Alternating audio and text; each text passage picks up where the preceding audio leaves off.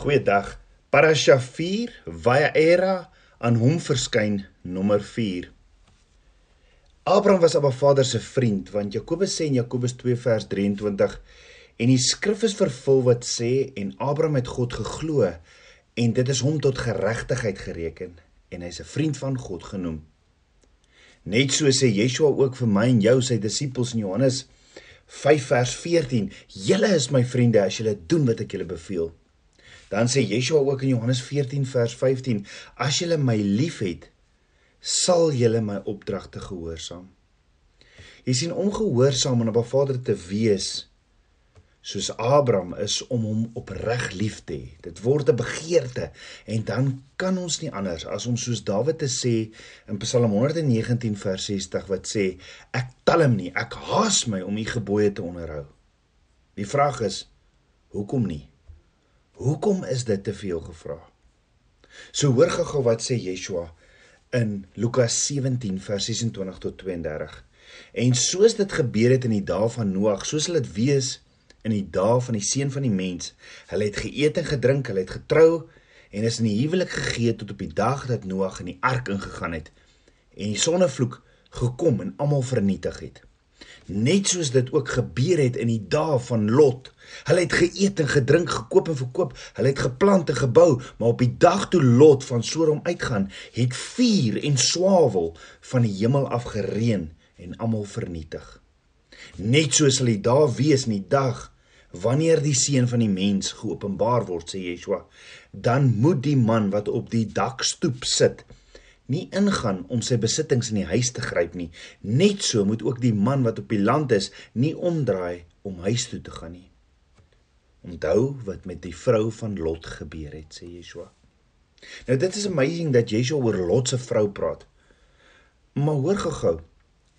Sy woorde oor haar is 'n waarskuwing aan diegene wat na hom luister, want in die volgende vers sê hy elkeen wat sy lewe probeer behou, sal dit verloor, maar elkeen wat dit verloor, sal dit behou.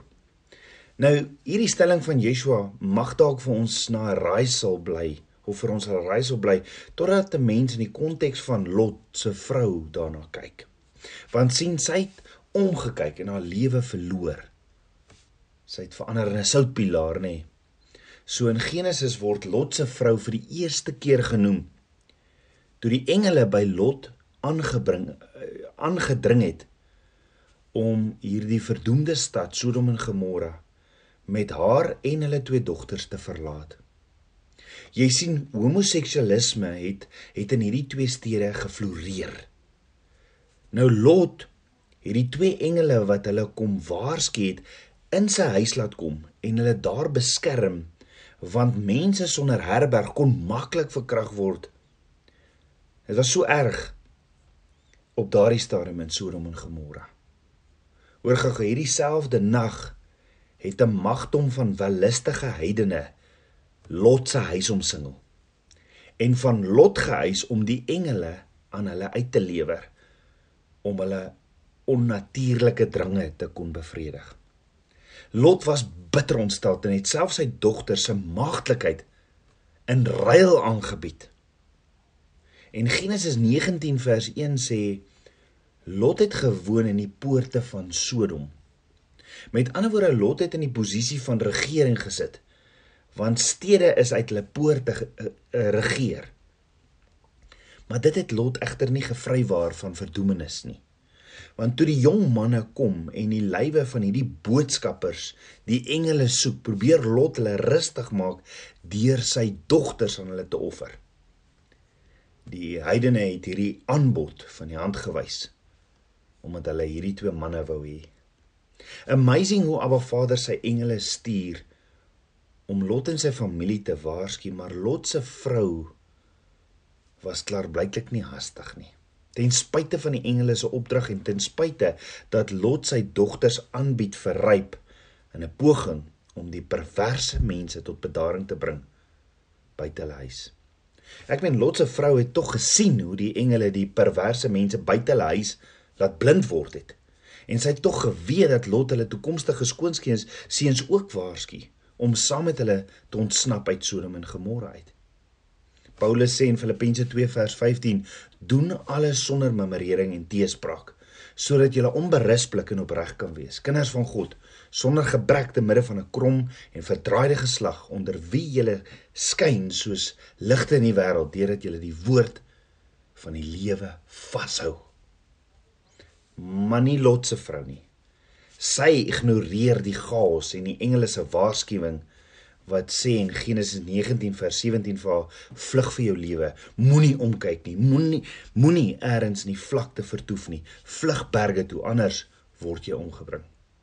Nou ons weet Lot se vrou het toe egter omgekyk terug na die verwoesting van die stad en sy het in 'n soutpilaar verander sy is baie duidelik 'n geleentheid aangebied om aan die verwoesting van die stad te ontkom die keuse was hare maar soos Lot was dit vir haar moeilik om haar gemak al die leksede en status agter te laat. Die lewe in Sodom was vir haar net te belangrik. Alhoewel sy as 'n sodomiet miskien nie heeltemal Lot se geloof aanvaar het nie, het Abba Vader se genade oor sy verhouding met Abraham ook vir haar Lot en hulle gesin ingesluit. Jy sien Abba Vader doen altyd wat hy sê. Hy sal hy sal doen Maar in hierdie geval sien ons hoe sy oordeel deur sy genade getemper word. Hoor gou-gou, Abba Vader bewys ongelooflike geduld deur wel minder as 10 regverdige mense uit hierdie verdorwe stad te red. Maar uiteindelik red hy nie die een wat nie gered wil word nie. Abba Vader red die wat gered wil word en wat hom 100% gehoorsaam. En dit bring ons terug by Yeshua se woorde wat Yeshua sê onthou wat met die vrou van Lot gebeur het. Elkeen wat sy lewe probeer bou, sal dit verloor, maar elkeen wat dit verloor, sal dit bou. En dan sê Yeshua verder in Lukas 9 vers 62: Niemand wat sy hand aan die ploeg slaan en agtertoe kyk is geskik vir die koninkryk van God nie. Nou hoor gou wat vir my amazing is, is Amos 3 vers 7 waar waar daar staan: Want die Here Here doen niks tensy hy sy raadsbesluit aan sy knegte die profete geopenbaar het nie. So toe die engele aanvanklik na Sodom en Gomorra vertrek het, het Abba Vader sy besluit oor hierdie verwoesting van die twee stede aan Abraham bekend gemaak. En hoe wow is dit? Abba Vader ken Abraham in dit wat hy doen. Want sien Abraham was nie in Sodom en Gomorra nie en die inwoners daar se sonde het uit verband uitgeruk dat die oordeel nie verder uitgestel kon word nie. So Abraham het geweet dat Abba Vader die stede wou straf en dat niks Abba Vader se voorneme sou styd nie, want Abba Vader deel dit met Abraham. En wat doen Abraham toe? Hy hoor dis wat Abba Vader gaan doen. Abraham het eh, Abraham het nie gesê, "O, oh, yes, yes, yes" nie. Daar kry Lot nou sy verdiende loon nie. Jy wou mos van my af wegtrek. Jy wou mos die goeie, die groen gedeelte in die ooste, die Jordaanstreek kies los. Want onthou in Genesis 3 eh, in Genesis 13 vers 5 tot 13 staan en Lot wat saam met Abraham getrek het, het ook kleinvee en beeste en tente gehad en die land kon hulle nie dra om saam te woon nie. Hulle besittings was groot sodat hulle nie saam kon woon nie. En daar het twis ontstaan tussen die veewagters van Abraham en die veewagters van Lot. Ook hierdie Kanaaniete en die Ferisiete destyds in die land gewoon. Toe sê Abraham vir Lot laat daar tog geen twis wees tussen my en jou en tussen my wagters en jou wagters nie. Ons is mos broers. Met ander woorde Abraham Abraham vra ek soek geen twis nie hoor. Nou Abraham sê lê die hele land nie voor jou oop nie. Skei jou tog van my af. Gaan gaan jy links dan sal ek regs gaan. Of gaan jy regs dan sal ek links gaan Toe slaan Lot sy oë op en sien dat die hele Jordaanstreek oral volop water het. Voordat die Here Sodom en Gomorra verwoes het, was dit in die rigting van Soar soos die tuin van die Here, soos Egipte land. En Lot het vir hom die hele Jordaanstreek gekies en Lot het na die ooste weggetrek.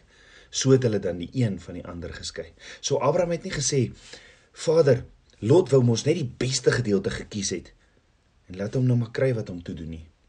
Hoekom nie? Want Abraham het Abba Vader se hart geken.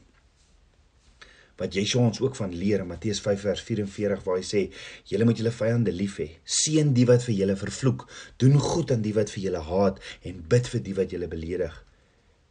en julle vervolg sodat julle kinders kan word van julle Vader wat in die hemel is want hy laat sy son opgaan oor slegtes en goeies en hy laat reën op regverdiges en onregverdiges Abraham het vir die behoud van die mense gebid hy het met Abba Vader gepraat oor die behoud van die mense Abba Vader se kinders en selfs met Abba Vader daaroor gekibbel daar's daar is toe kommunikasie tussen Abba Vader en Abraham en vandag nog praat Abba Vader met ons soos met Abraham as ons soos Abraham in verbond gehoorsaam en in geloof saam met Abba Vader wandel.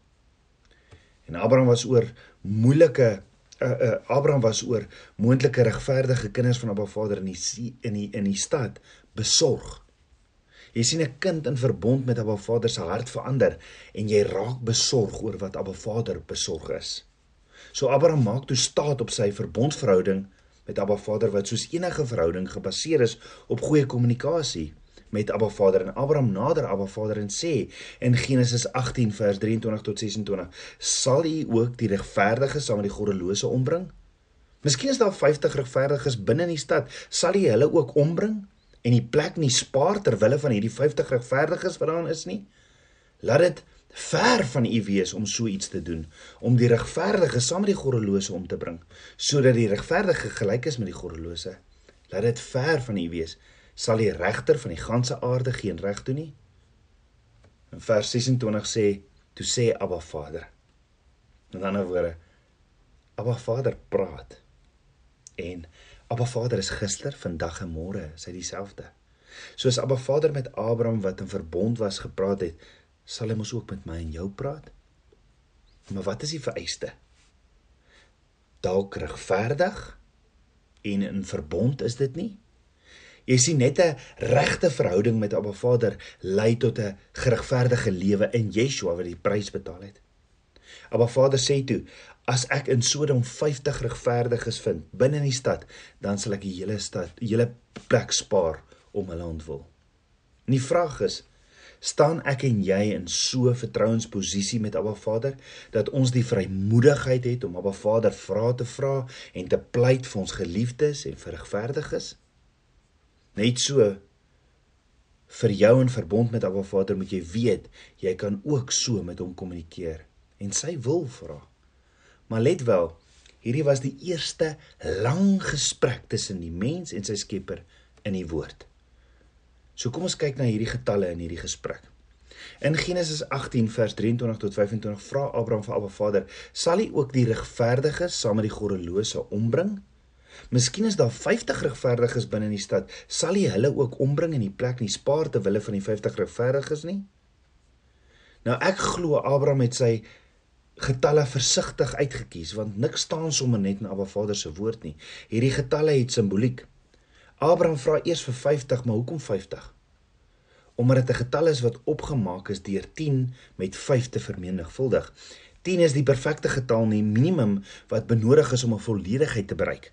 5 in die woord verteenwoordig genade wat lei na herlewing en vernuwing. Met ander woorde, 50 dui op die volle vervulling van Abba Vader se genade soos vervat in die jubeljaar.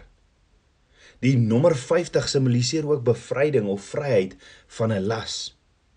50 dui ook op die feit dat iemand nou gereed is om sy posisie van leierskap op te neem en is dit wat Abraham gedoen het as die vader van baie nasies maar Abba Vader antwoord Abraham in Genesis 18 vers 26 as ek in Sodom 50 regverdiges vind binne in die stad dan sal ek hele plek spaar om hulle ontvul.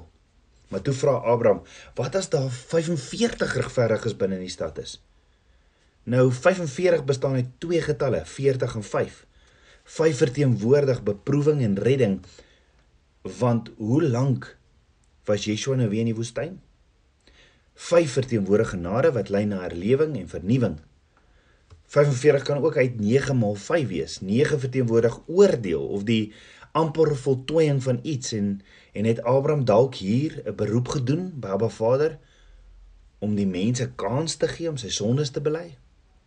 Maar Abba Vader antwoord Abraham in Genesis 18 vers 28 ek sal dit nie verwoes as ek daar 45 vind nie. En Abraham vra toe Vader, wat as wat as daar 40 is? En 40 verteenwoordig beproewing en redding. Met ander woorde, Het Abraham dalk hier 'n beroep gedoen by Abba Vader vir sy redding?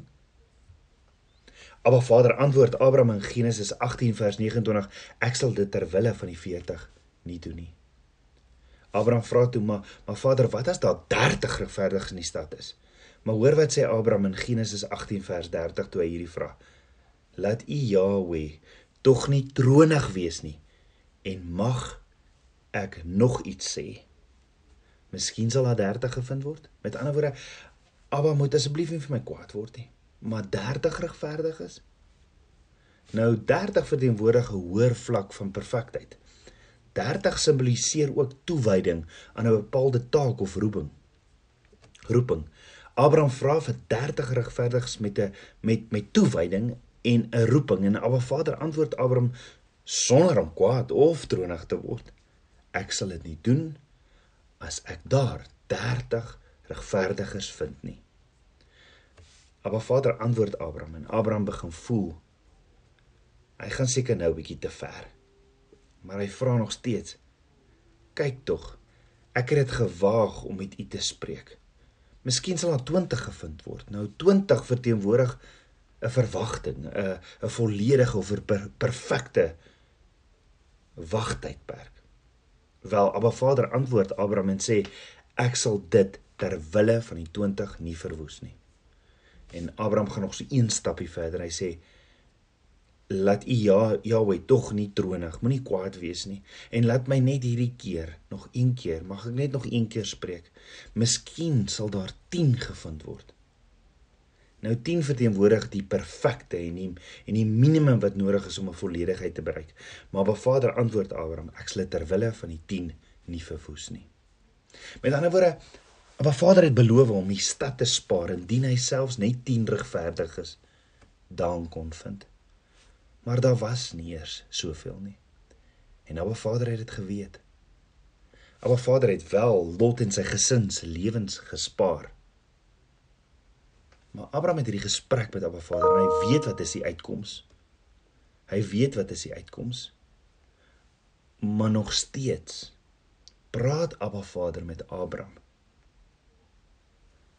Soos so Lot en sy gesin sou soos 'n Noag van ouds die enigstes wees wat 'n oordeel sou oorleef as hulle nie om, omgekyk het nie en vlug en net gevlug het maar Lot se vrou het egter haar laaste kans verbeur om te shema Heer lus nou by. Jy sien in die lig van Genesis 18 vers 20 tot 21 is daar 'n 'n wêreld daar buite wat uitroep vir redding. Lot word gered En Genesis 19 vers 29 sê en onderwyl God die stede van die Jordaanstreek verwoes, het God aan Abraham gedink en Lot uitgelei uit die omkering toe hy die stede omgekeer het waar Lot woonagtig was. So Lot is gered en uitgelei alles ter wille van Abba Vader se verbondsvernoot Abraham. Die vraag is: hoeveel mense kan dalk gered word omdat jy gekies het om 'n verbondsverhouding te hê met Abba Vader of omdat jy in intimiteit saam met Abba Vader wandel in verbond. Tabernakels kind van Abba. Abba Vader roep jou na so 'n intieme verhouding toe waar jy hom kan ken in alles en hy aan jou sy raadsbesluite openbaar. Kom ons bid saam. Abba Vader, skepper van my hart. Vader, ek loof en ek prys U. Vader, dankie, dankie dat U my roep vir 'n shema leefstyl en om 'n vriend soos Abraham van U te wees. Vader, hier is my hart. Kom leef in my, lei my en leer my meer en meer van U. Vader, dankie dat U nie kwaad word al vra ek ook vandag 6 keer soos Abraham en soos Gideon later vir antwoorde en tekens in my lewe. Dankie, dankie Vader. Ek bid dit alles in Yeshua Messie se naam, die seun van Jahweh. Shalom.